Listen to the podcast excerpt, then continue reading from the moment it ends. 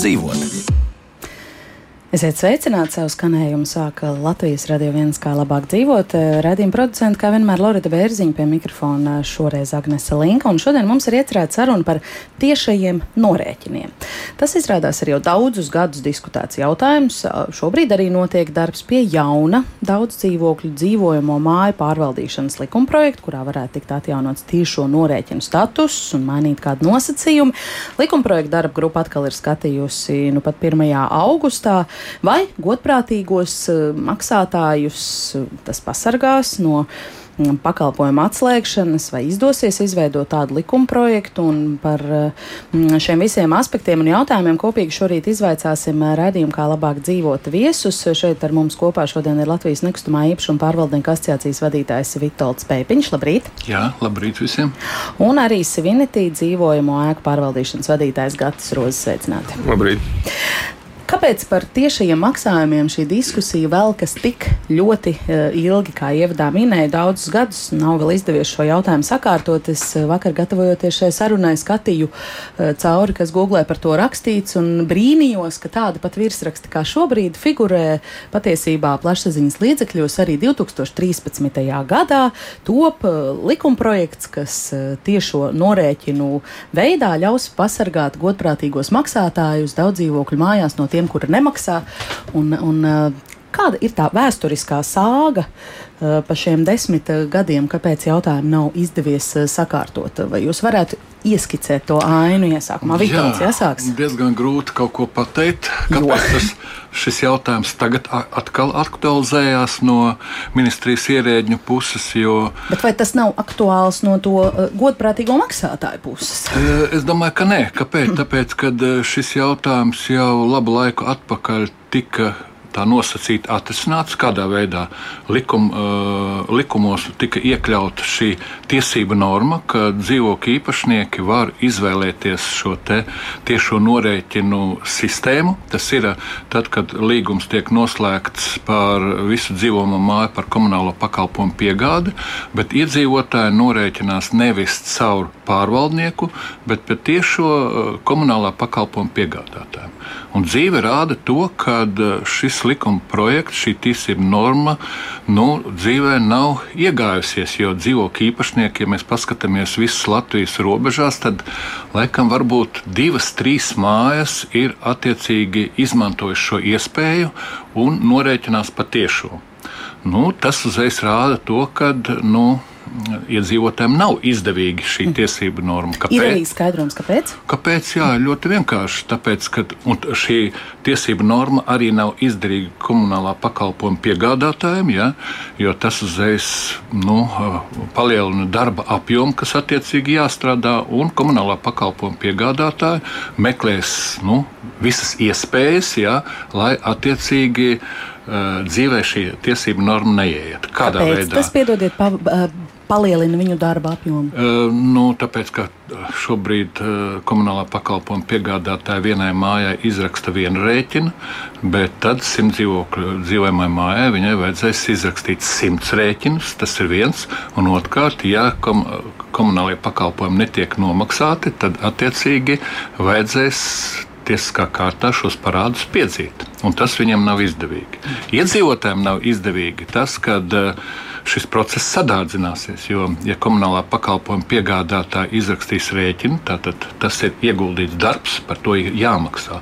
Protams, tā ir uh, katrai komunālā pakalpojuma piegādātājiem šī samaksa būs uh, dažāda, ja, bet samaksa būs. Nu, bet un, sadārdzinājums tik daudz, cik par papīru smērēšanu. Ja, par papīru smērēšanu, jā, bet tas ir iedzīvotājiem būs ļoti būtiski, jo tagad uh, vakar viens rēķins atnāca, piemēram, par sešiem komunāliem pakalpojumiem. Tagad atnāks seši rēķini, un katrā rēķinā būs pa 5, 6 eiro, kas jāmaksā, un saliekot kopā, tas uzreiz momentāli sadārdzināsies.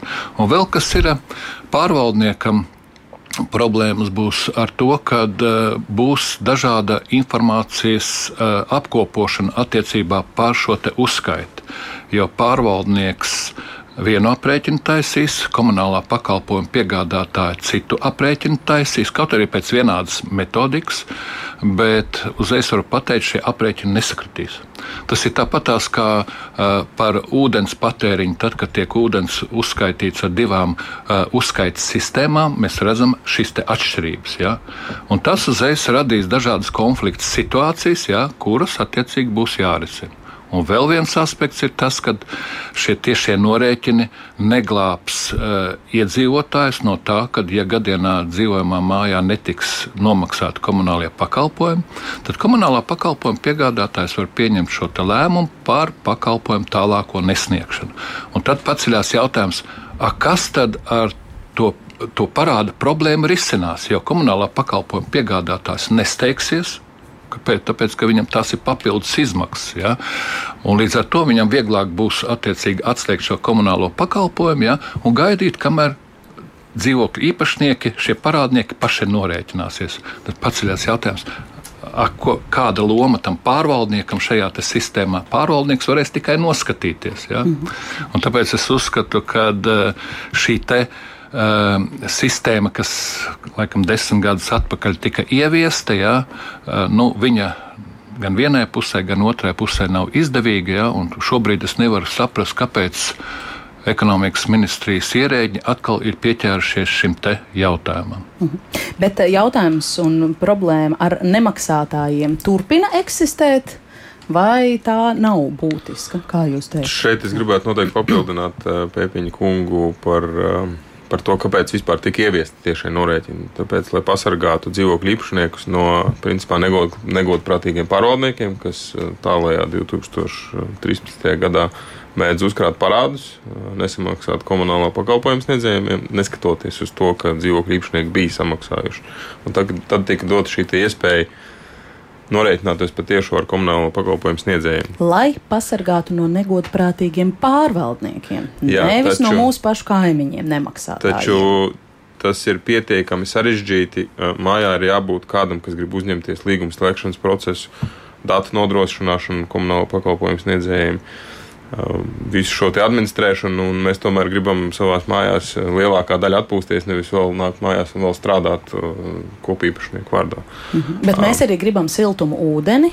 Protams, uh, gribam arī siltumu un... ūdeni, tāpēc ļoti pozitīva iezīme ir tajā, ka paralēli tiek virzīts ir izmaiņas dzīvokļu īpašuma likumā, kur plānot šo parādu piesaistīt nevis īpašniekam, bet dzīvokļu īpašumam. Tas nozīmē, ka, ja dzīvokļu īpašumu uzkrājas parāds, ja mēs šo īpašumu tirgojam vai, vai tiek pārdots izsolē, tad uh, šis parāds paliek piesaistīts um, dzīvokļu īpašumam. Ja netirgojam, vai tas risina problēmu? Negribu uh, Tad tas ir, protams, darbs ar, uh, darbs ar parādniekiem, kas, kas, kas šajā gadījumā, vairumā gadījumu, ir pārvaldnieku, pārvaldnieku uzdevums. Taču, ja mēs saprotam, ka tas paliek uz īpašumu, tas noteikti uzlabo šo situāciju. Mm -hmm. Protams, jautājums atvērts paliek ar, ar veco debitoru portfeli, ko ar to darīt. Mm -hmm. Kurā Bet, brīdī mēs novilksim šo strīpu, ka ir, ir jaunā sistēma un ir vecā, ja tiks pieņemts šāds lēmums. Bet, ja mēs eh, nerunājam par negodprātīgiem pārvaldniekiem, bet par šiem pašiem nemaksātājiem, vai var teikt, ka pārvaldniekiem šobrīd ir efektīvi instrumenti, uh, lai ar viņiem tiktu galā? Vai tomēr tā problēma ir vēl risināma? Par to, ka viens kaimiņš nemaksā un citiem tāpēc nepieslēdz apkuru vai atslēdz ūdeni vai tam līdzīgi. Šeit noteikti ir um, dalās uh, klienti divās daļās. Tiem, tie, tie objekti, kuriem var individuāli atslēgt, siltumu dzīvoklī, un tiem, kuriem nevar. Nu, protams, lielākā daļa ir šī sērija veida mājas, kur nevar atslēgt. Kur ne, nevar, jā. jā. Tad šī, šis jaunais likuma projekts principā ir nedaudz uzlabots vecais, jo, kā, kā, kā diskusijās arī te runāja, ka tomēr paliks arī iespēja norēķina ar pārvaldnieku starpniecību. Nebūs, kad kā iepriekš tika runāts, ka tikai tieši norēķina, ka šis būs dalīts, varēs izvēlēties vainu vainu. Tāpēc nu, tādos lielos vilcienos tas likuma projekts ir, ir, ir nedaudz uzlabots vecais. Jā, bet jūs neatbildējāt uz manu jautājumu, kā pārvaldniekiem sokas eh, šobrīd ar eh, nemaksātāju eh, nu, teiksim, cīņu ar viņiem? Tas ir principā pārvaldnieku ikdienas darbs, ar kuru mēs strādājam. Mēs redzam, ka neskatoties uz pirmais bija Covid pandēmija, otrais ir Ukraiņas situācija. Mm -hmm. Arī pirms tam tas jautājums pirms tam, nu, mēs šo parādnieku portfeli tomēr spējam nedaudz samazināt. Tas ir intensīvs darbs, bet mēs spējam samazināt. Un tie rīki jums ir pietiekami jūsu rīcībā?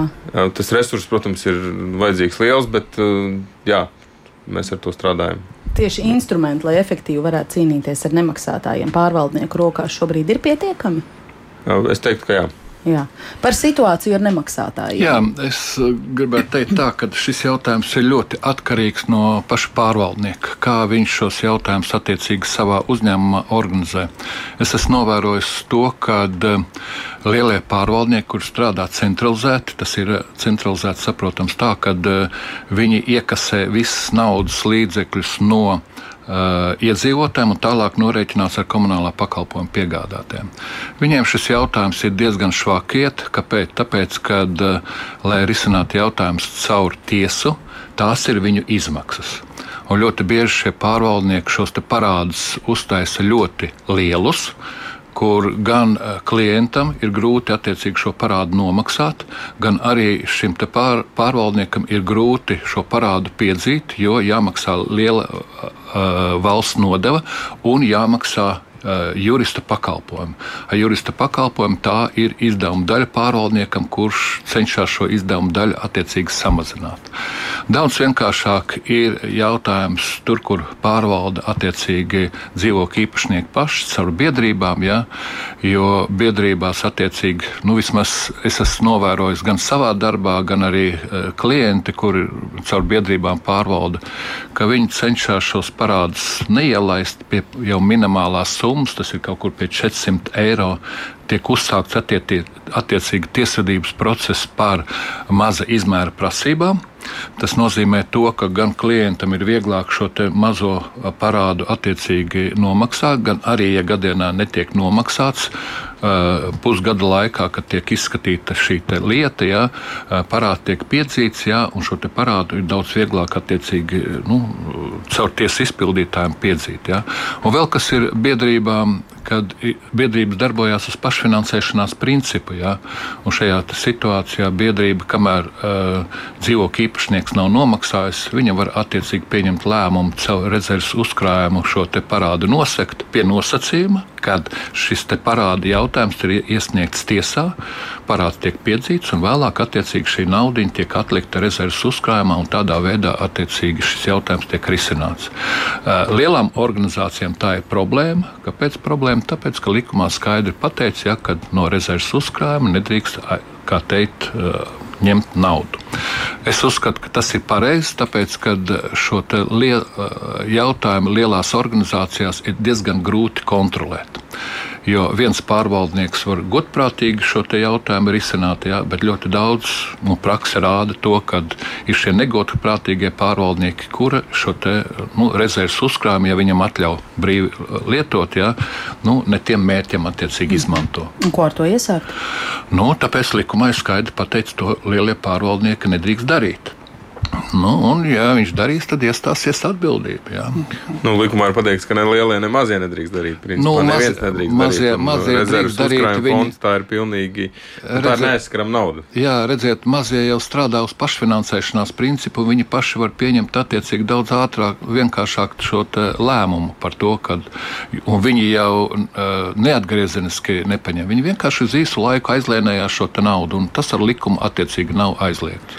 Ja ir šāds kopīpašnieks īpašnieku lēmums, jā, bet uh, nav jau starpības, ir cik liels vai mazs pārvaldnieks lēmumu jau pieņem, pieņem kopība vai, vai biedrība, ja ir tāds pilnvarojums. Tomēr nu, es, es, es, es gribētu teikt, ka nevienai mājai nevajadzētu pieņemt lēmumu aiztikt uzkrājuma fondu, jo uzkrājuma fonds ir domāts remontdarbiem, ēkas uzlabošanai, nevis uh, citu parādnieku sekšanai. Un, ja mēs runājam par lielām organizācijām un parādu piedziņu, tad uh, šeit es arī atļaušos nepiekrist, jo, kā rāda mūsu pieredze, tad, kad mēs pārņemam kādu māju no vai nu no maza pārvaldnieka, vai nu no kādas biedrības, kas jau, jau, jau negrib jau paši, paši apsaimniekot, ir noguruši vēl kaut kā, tad tur tie parādi ir uzklāti lielāki.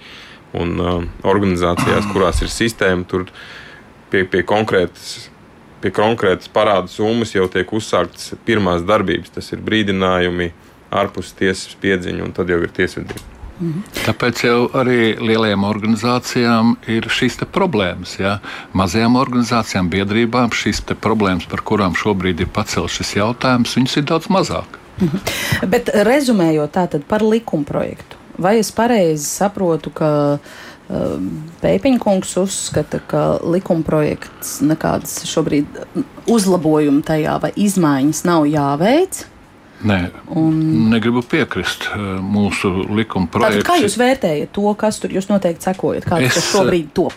Pateikšu godīgi, ka es nesakoju. Kāpēc nesakoju? Tāpēc, ka ar politiķiem tāpat kā ar bitēm skaidri nevar zināt. Kaut arī šis jautājums par parādu piesaistīšanu attiecīgi dzīvokļu īpašumam. Mm. Cik ilgi viņš tika muļāts? Es cik es atceros, piecus gadus. Ja, visi cerēja to, ka parāds tika piesaistīts attiecīgi dzīvokļu īpašumam, ka nevarēs pār, pārdot dzīvokļu īpašumu, kamēr ne, nenolīdzina pārādu. Kur ir šis likuma projekts? Nav. Nu, tāpēc, nu, varbūt, ka, ka entās reizes politiķi ir savas domas mainījuši.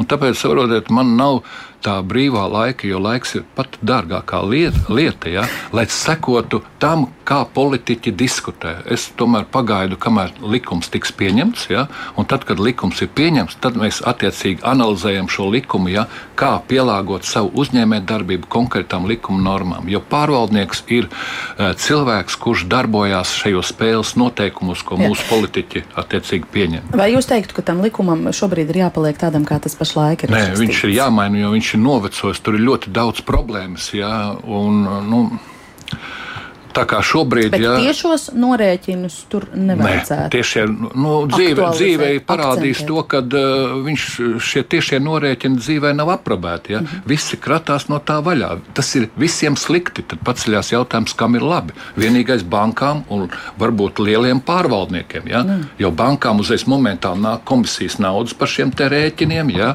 un lieliem pārvaldniekiem viņi no šīs problēmas cenšas tikt vaļā. Ja? Jo nu, viņi cenšas attiecīgi ideālos apstākļos strādāt, bet dzīve jau šos ideālos apstākļus nedod mums. Nu jā, Juris gan mums raksta, pašlaik vairākās pilsētās siltuma apgādē jau sen ir tiešie norēķini, un paši uzņēmumi strādā ar debitoriem, un nekad neviena māja nav atslēgta no siltuma. Bet, Gati, tad rezumējot, jūs kā raugāties uz eh, darbu šobrīd un diskusijām par uh, likumprojektu?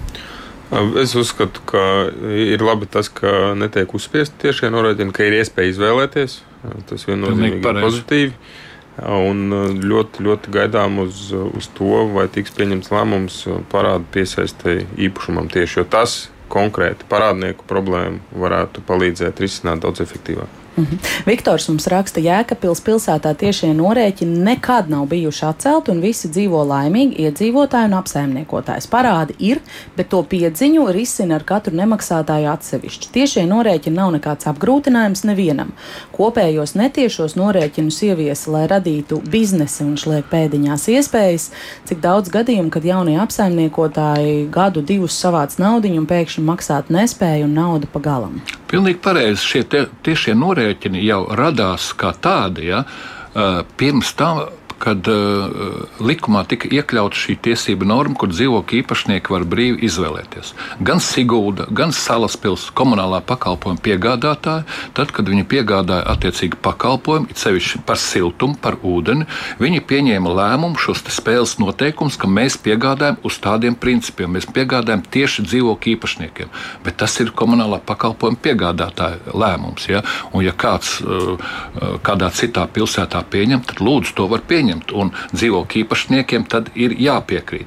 Bet tagad no likuma viedokļa, privātā tiesība jomā, jo uh, privāta īpašuma pārvaldīšana, apsaimniekošana ir privātā tiesība joma, nevar uh, voluntāri no uh, um, ministrijas augstumiem uzspiest kaut kādu vienu konkrētu veidu, ja, nedodot iespējas attiecīgi izvēlēties. Tas jau saprot, ka tas cilvēkam, cilvēkam vienmēr tā, jādod iespējas izvēlēties. Vai nu vienu vai otru, bet nevis uzspiest vienu kārtību. Ja? Jums ir bažas par to, to, ka tiks uzspiests. Jā, nu, es mēs... no kolēģa sadzirdu, ka izvēles iespēja tiks atstāta. Nu, šobrīd mēs neredzam to likumu, jā, kāds viņš būs, jā, jo viņš var entās reizes mainīties. Jā, un kolēģis man liekas arī nezina. Viņš tikai vienkārši tagad vadās arī no tā, kas masu informācijas līdzekļos, kāda informācija parādās. Jā, bet viņi var būt arī diametrāli pretēji. Nu, nē, redziet, šeit es arī atļaušos nepiebilst. Uh, ir, nu, viens variants ir gaidīt, kad pieņems likuma projektu un strādāt. Uh, vienkārši pēc tā otrs ir piedalīties šajās diskusijās, kurās arī Simnītī piedalās pieņemot šo likuma normu, kur, kur tiek diskutēts par dažādiem par, pret,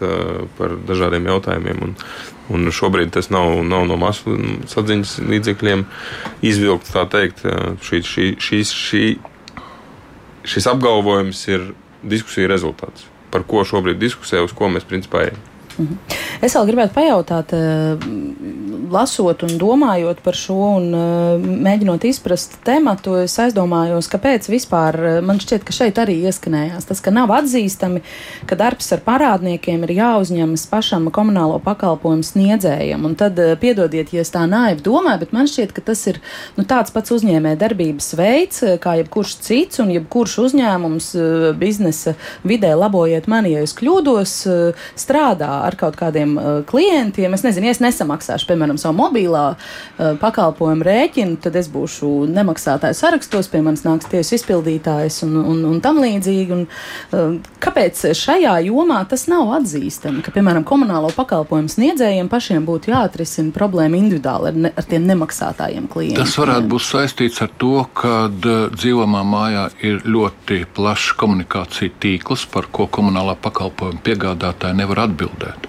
Un var gadīties arī tā, ka šis tīkls netiek kārtīgi uzturēts, ja, un notiek attiecīgi komunālā pakalpojuma, piemēram, ūdens siltuma noplūde, ja, un tad paceļās jautājums, kas tad par to atbildēs, jo atbildības robeža ir novilkta ārpus dzīvojamās mājas, ja, un tad šeit dzīvojamā māja ir jāuztver kā atoms, kurš sīkāk nedalās, ja, un līdz ar to šis objekts, ar ko komunālā pakalpojuma piegādātājs noslēdz līgu, tas ir par, par visu dzīvojumu dzīvojamo māju. Tikko mēs līdīsim iekšā, uh, kaut ko mainīsim, ja, mēs uzreiz momentāli sagaidīsim problēmu, problēmas galā, kuru pat nevarēsim atrast to risinājumu. Ja? Un tāpēc šeit es uzskatu, ka pēc dzīvojamā māja pārvaldīšanas šo procesu ir jāvienkāršo, ja? lai viņš normāli darbotos. Šobrīd, kā attiecīgi darbojās, es uzskatu, ka tas ir normāli. Problēma ir tā, ka ļoti daudz pārvaldnieku nav sakārtojuši savu uzņēmējdarbību, ja? nav ņēmuši vērā attiecīgi tos riskus, kas šobrīd pastāv gan no likumdošanas, gan no kaut kādiem ārējiem apstākļiem. Ja, ja to visu tu ņem vērā un savu uzņēmējdarbību sakārto, ja, tad pilnīgi normāli var pārvaldīt dzīvojamās mājas. Jā, nav ideāla tā vide, ja, bet atvainojiet, mēs visi gribētu strādāt ideālā vidē, ja, bet atvainojiet, tie riski kaut kādi ir un mums vienkārši jāņem vērā ja, un jā, jāneutralizē tie. Mm, Gati, ko par šo komentēsiet? Redziet, um, tiešo un netiešo norēķinu gadījumā ir tāda būtiska nianses arī, ko paredzēts ir iekļaut šajā likuma projektā. Um, tiešo norēķinu gadījumā, kad komunālo pakalpojumu sniedzējs izraksta atsevišķus rēķinus, parāda piedziņa ir plānots nodot vai nu pārvaldniekam, kurš tieši tāpat strādā, kā līdz šim strādājis, taču komunālo pakalpojumu sniedzēju vārdā piedzina šo parādus, vai nodot jau patiešo komunālo pakalpojumu sniedzējiem. Tad ir jautājums noteikti jāvērtē, kas ir izdevīgāk, vai to dara pārvaldnieks kā mājas apsaimniekotājs vai, vai komunāla pakalpojuma sniedzējs, kurš, kuram atkal tas būs nu, noteikti papildus izmaksas. Bet nu, tas ir izdarāms un, kā jau, kā jau rakstīja klausītājs, vairākās pilsētās tas strādā un tiešo norēķinu sistēma ir iespējama.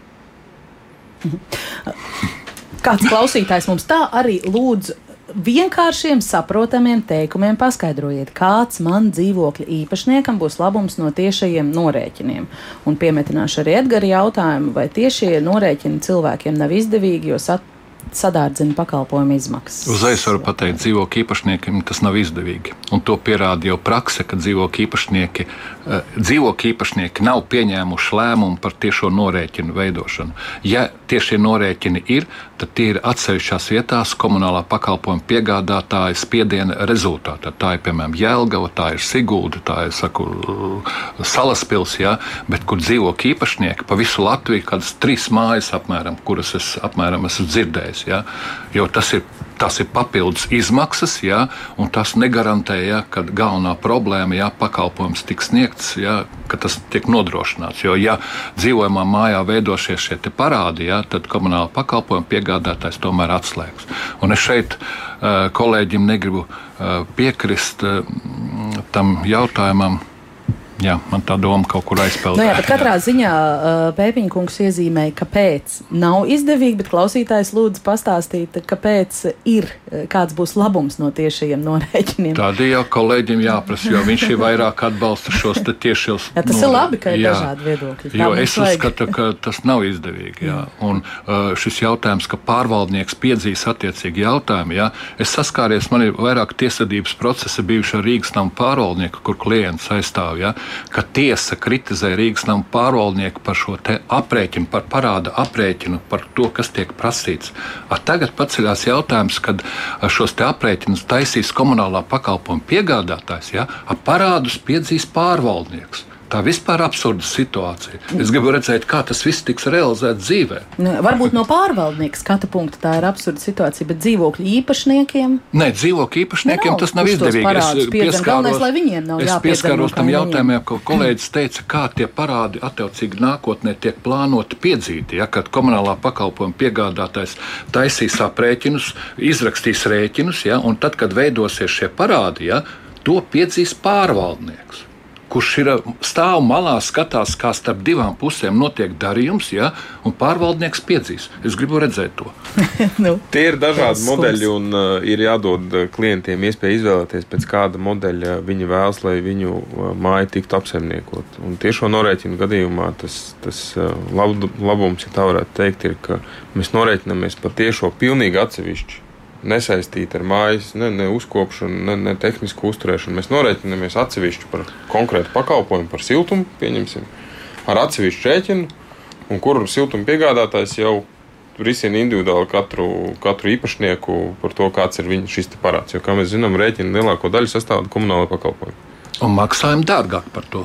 Jo par šo rēķinu izrakstīšanu būs papildus šī samaksa. Vai klients uz to ir gatavs? Es stipri šaubos. Pie šī galda var sēžot. Es varu teikt, ka klients nav gatavs. Nu, Edgars raksta, uz ko attiecas maksa eiro 80 apmērā par tiešajiem norēķiniem.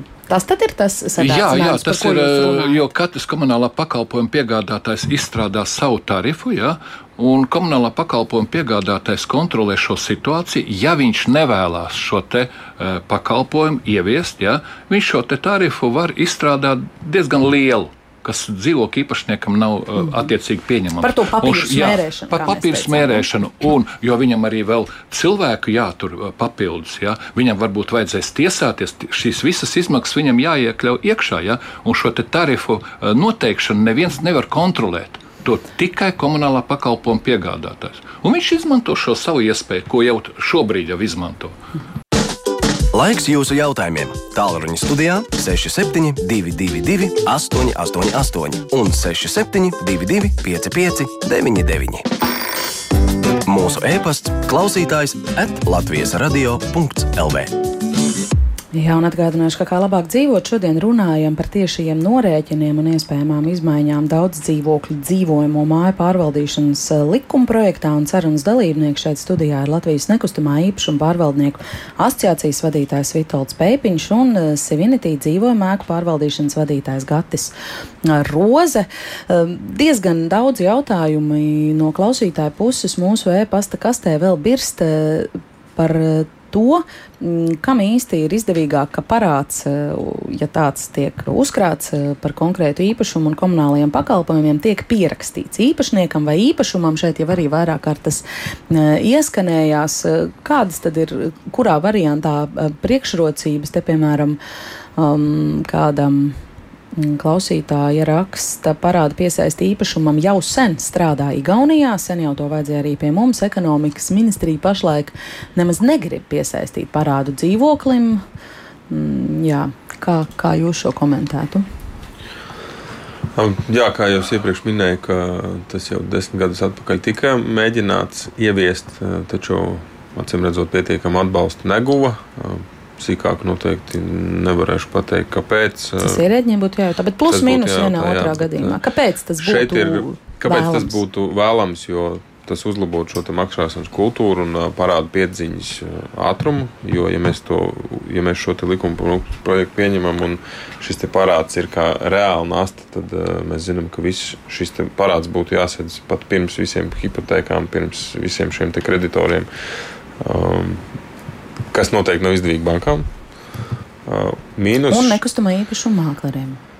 Uh, Nu, noteikti, varbūt, iespējams, jā, nu, ka, jā, ka mums raksta, ir jā, jāpārdod dzīvoklis ar parādu, jā, jā. tad ir jautājums par cenu, kādu var parādu. Jā, Jānis raksta, mēs vēlamies lobēt māklerus. Risinājums ir vienkārši parāds piesaistīts konkrētam dzīvoklim, tas ir saistošs esošajam nākamajam īpašniekam, bet, ja negodīgs pārvaldnieks, tad soda pārvaldnieku, nevis dzīvokļu īpašniekus pārvaldnieks jau jebkurā gadījumā norēķinās inkasētā apmērā. Teiksim, nu, nu, teiksim, uzkrāt šādus parādus, par ko īpašnieki ir jau, jau norēķinājušies, tas jau vispār ir pretlikumīgi. Par šo mēs varam nediskutēt. Bet šeit tas, tas mīnus, ja to varētu tā nosaukt, ir tajā, ka šī atbildība, kas būtu uzliekama uz dzīvokļu īpašumu, būtu atbildība par.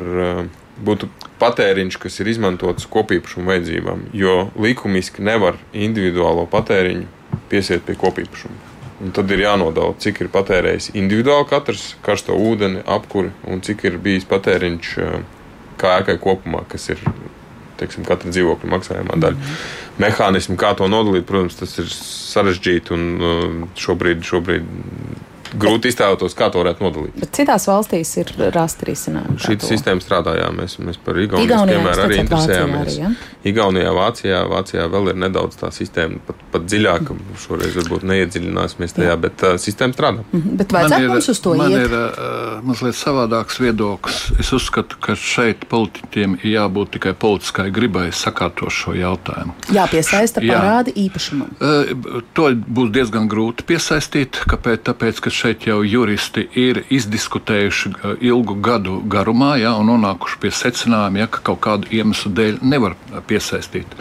Es šajā uzņēmē darbībā 28 gadus strādāju, un es atceros tos laikus, kad uh, vēl um, pirms 90. Ap 90. gadu notika dzīvokļa maiņas, ja, un dzīvokļa maiņa varēja notikt tikai tad, kad attiecīgi pie maiņas dokumentiem tiek pievienota izziņa par to, ka parādi ir nomaksāti. Un šajā jautājumā par dzīvo šobrīd esošo situāciju var pateikt, kur ir problēmas pieņemt attiecīgi likuma izmaiņas, ja, ka šis darījums, jebkura veida darījums, var notikt tikai tad, kad attiecīgi pie a, a, dokumentiem ierakstīšanā zemes grāmatā tiek pievienota izziņa, ka parādas saistības Jā. attiecīgi nav. Viss un visas, ir labi un visas problēmas ir atrisinātas. Vajadzīga tikai šī politiskā griba. Mm. Šobrīd politiskās gribas nav, jo, ja mēs paskatāmies mūsu politiskās partijas, kas atrodas pie varas, attiecīgi attiecīgi viņām nevienā programmā nav attiecīgi ierakstīts tas, ka viņi šo sektoru tautsaimniecības, kas ir ļoti sarežģīts sektors, ja, viņi vēlās attiecīgi sakārtot. Un šobrīd visa tā sakārtošana balstās uz ierēģņa uh, darbību, uz to, kā viņi attiecīgi saprot. Un ierēģi daudz, vienam tādu saprāšanu, otram tādu, un tad mēs arī redzam, kādi mums tie likumi šobrīd nāk ārā. Nu Maruta raksta runājot par parādu piesaistīšanu dzīvoklim, kas seks parādu, ja dzīvoklis izsoles laikā netiek pārdots, ja parāds ir lielāks par dzīvokļa vērtību. Mans viedoklis sadalot nedalāmas lietas, skatīt civilu likumu, mēs esam radījuši ļoti defektīvu kārtību, ēkām jāatrodas kārtīga saimnieka. Pārziņā tā raksta. Māruta. Dosim vārdu kādam zvanītājam arī tāds, beidzot. Jā, tā dzīvoklis attiecīgi likuma izmaiņas pieņem, ja viņš pāriet valsts, valstī. Jā, lūdzu, vārds jums. Halo! Halo! Jā, runājiet, lūdzu. Jūs dzirdat? Dzirdam, jā, runājiet, jautājiet. Labrīt. Zināt, es drusku no citas puses par parādiem. Ja? Nē, nu, labāk tā par to iedzīvotāju izdevīgumu. Nu, kā šis apsaimniekotā pārstāvis var runāt par iedzīvotāju izdevīgumu, ja patiešiem norēķiniem? Tiešām par katru izrakstīto rēķinu tiks paņemta maksa. Un, piemēram, daudzi, daudzi vecāka gada gājuma cilvēki teiksim, maksā maksimā vai arī kaut vai bankā. Atkal par katru rēķinu tiks ņemta komisijas maksa. Ja? Tas katru mēnesi cik teiksim, eh, cilvēkiem, kam ar zemiem ienākumiem, papildus maksājums. Ja runa ir par parādiem, Tad es jau ilgus gadus klausos nu, par Krievu Baltkomu rādio. Ir viena tāda interesanta pārraide tieši par eh, māju apsaimniekošanu. Tur ir apsaimniekotājs, kas kooperatīvās mājas, un arī piedalās viens no bijušajiem Rīgas namu eh, pārvaldniekiem. Ja nu neminēšu viņu vārdā. Tad faktiski, ja apsaimniekotājs jau pat nav līdz tiesai jāiet, aizsūtot, teiksim, trīs mēnešus nesamaksā, aizsūtot brīdinājuma vēstuli, ātri vien notiek reakcija. Jo kā praksa parāda, tad nemaksātāji nebūtu nav tie trūcīgākie. Jā, sapratām jūsu viedokli, jā. vai ko komentēsim dāmas teiktajiem? Es jau teicu, kad uzdevu šo jautājumu, vai dzīvokļu īpašniekiem ir izdevīgi. Es uzreiz viennozīmīgi saku, dzīvokļu īpašniekiem šis eh, jautājums risināt, kā tagad domā, nav izdevīgi, ja, jo nevar ieraudzīt to sauso atlikumu, kur tas izdevīgums dzīvokļu īpašniekiem attiecīgi ir.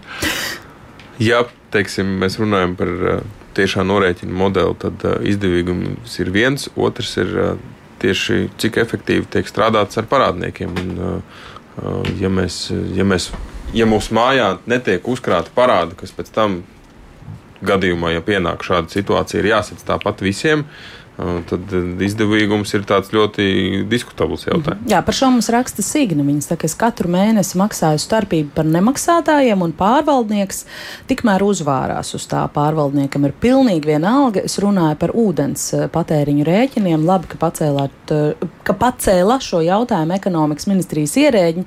Acīm redzot, kungiem tas nepatīk, jo viņi ko var zaudēt. Tas noteikti, te noteikti nav runa par kā, kā min klausītāji, par, ka pārvaldnieks uzvārās vai vēl kaut ko tādu. Noteikti runa ir par to, kāda ir starpība starp ūdens eh, galveno skaitītāju un dzīvokļu individuālajiem patēriņiem. Te pār, neviens pārvaldnieks ne likumiski nedrīkst, nedrīkst eh, parādu izstādīt pārējiem kopīpašniekiem. Jā, arī jautā, kādēļ daudz dzīvokļu mājas dzīvokļu īpašniekiem jāsadz ūdens zudumi. Nu, atvainojiet šos ūdens zudumus, ja viņi attiecīgi radās, tad tos sadz dzīvokļu īpašnieki. Jo šie ūdens zudumi. Bet tie nav parādi. Nu, š, jā, tie, tie nav parādi. Jā, ūdens zudumi ir par parādniekiem. Jā, ūdens zudumi ir ūdens zudumi. Jo, ja ūdeni mēra ar divām dažādām sistēmām, šī starpība būs, ja, un šī starpība saistīta ar kaut kādām komunikācijām, kas pieder dzīvokļu īpašniekiem, ja, tad paceļās jautājums, a, kas tad cits attiecīgi šo starpību maksās nekā dzīvokļu īpašnieki. Un par šo jautājumu jau augstākās tiesas senāts ir pieņēmis lēmumu, ja, kurš skaidri pateica, ka šī starpība ir jāmaksā dzīvokļu īpašniekiem. Un, ja senāts ir pieņēmis šo jautājumu, tad vispār šeit nav ko diskutēt par. Mm -hmm. Bet, nu, dzīvokļu Bet par nemaksātājiem, kā iepriekšējā par, jautājumā, par nemaksātājiem, jā. jā, ka viņiem mazliet to jautājumu nesapratu, ja, kad eh, ka nemaksātāja vietā jāmaksā. Jā. Vai, jā. Bet saprotiet, eh, nu, es katru mēnesi maksāju starpību par nemaksātājiem. Pārvaldnieks tā ir noteikti no tā pelna, un pārvaldniekam ir pilnīgi vienalga. Jā, nu, es esmu novērojis vienu lielu lietu ar lieliem pārvaldniekiem. Ja? Un es esmu pieķēris to, kad lielie pārvaldnieki, tad, kad attiecībā par šo ūdens starpību ļoti negodprātīgi rīkojās ja? un parāda attiecīgi šo starpību lielāku nekā ir.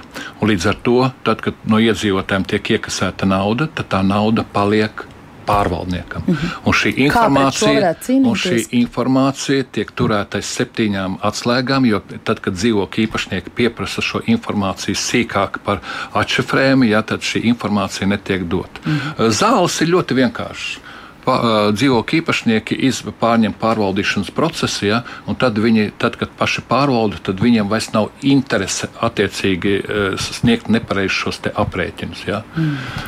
Vēl kāds zvanītājs, lūdzu, vārds jums. Labdien, vai jūs mani dzirdat? Dzirdam, dzirdam. Mēs kavējāmies ar uh, ūdens skaitītāju apmaiņu. Un, un bez brīdinājuma, bez nekā mums uzreiz pēc tam nākošajos divos mēnešos uzlika desmitkārtīgu samaksu par uh, diviem skaitītājiem, kas mums bija jāapmaina no četriem. Uzlika desmitkārtīgu samaksu par ūdens uzsildīšanu. Minēšu, ja iepriekšējā mēnesī bija apmēram 32 eiro, tad mums vajadzēja samaksāt samaksāt 147 eiro. E, par to, ka mēs nebijām laicīgi nomainījuši skaitītājus, bez brīdinājuma, bez nekā.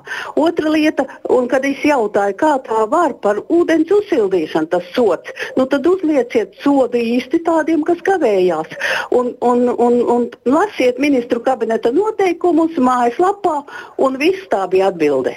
Jā, paldies par. Uh Tā visātrāk ir pakal, pārvaldnieka pakalpojuma kvalitāte, ja, kur tad, kad tādas situācijas notiek, ja, tad es varu tikai vienu zāles ieteikt. Mūkiet no tāda pārvaldnieka projām, jo tādas lietas nevarētu notikt. Kā, bet otrs šeit šajā jautājumā būtu vairāk informācijas jābūt, kā tas viss process noticis, ja, jo mēs tā šobrīd varam vadīties tikai no tā, ko radio klausītājs attiecīgi pateica. Mm -hmm. Kā tikko jūs kundzei komentētu? Noteikti ir jālasa, kas ir apsaimniekošanas līgumā, kādas, eh, kādas ir paredzētas. Eh, kāds aprēķina modelis ir paredzēts, ja nav verificēti skaitītāji. Un eh, noteikti arī katrai, nu, katrai pašvaldībai arī ir noteikts, kāda ir ūdens patēriņa norma jāpiestāda.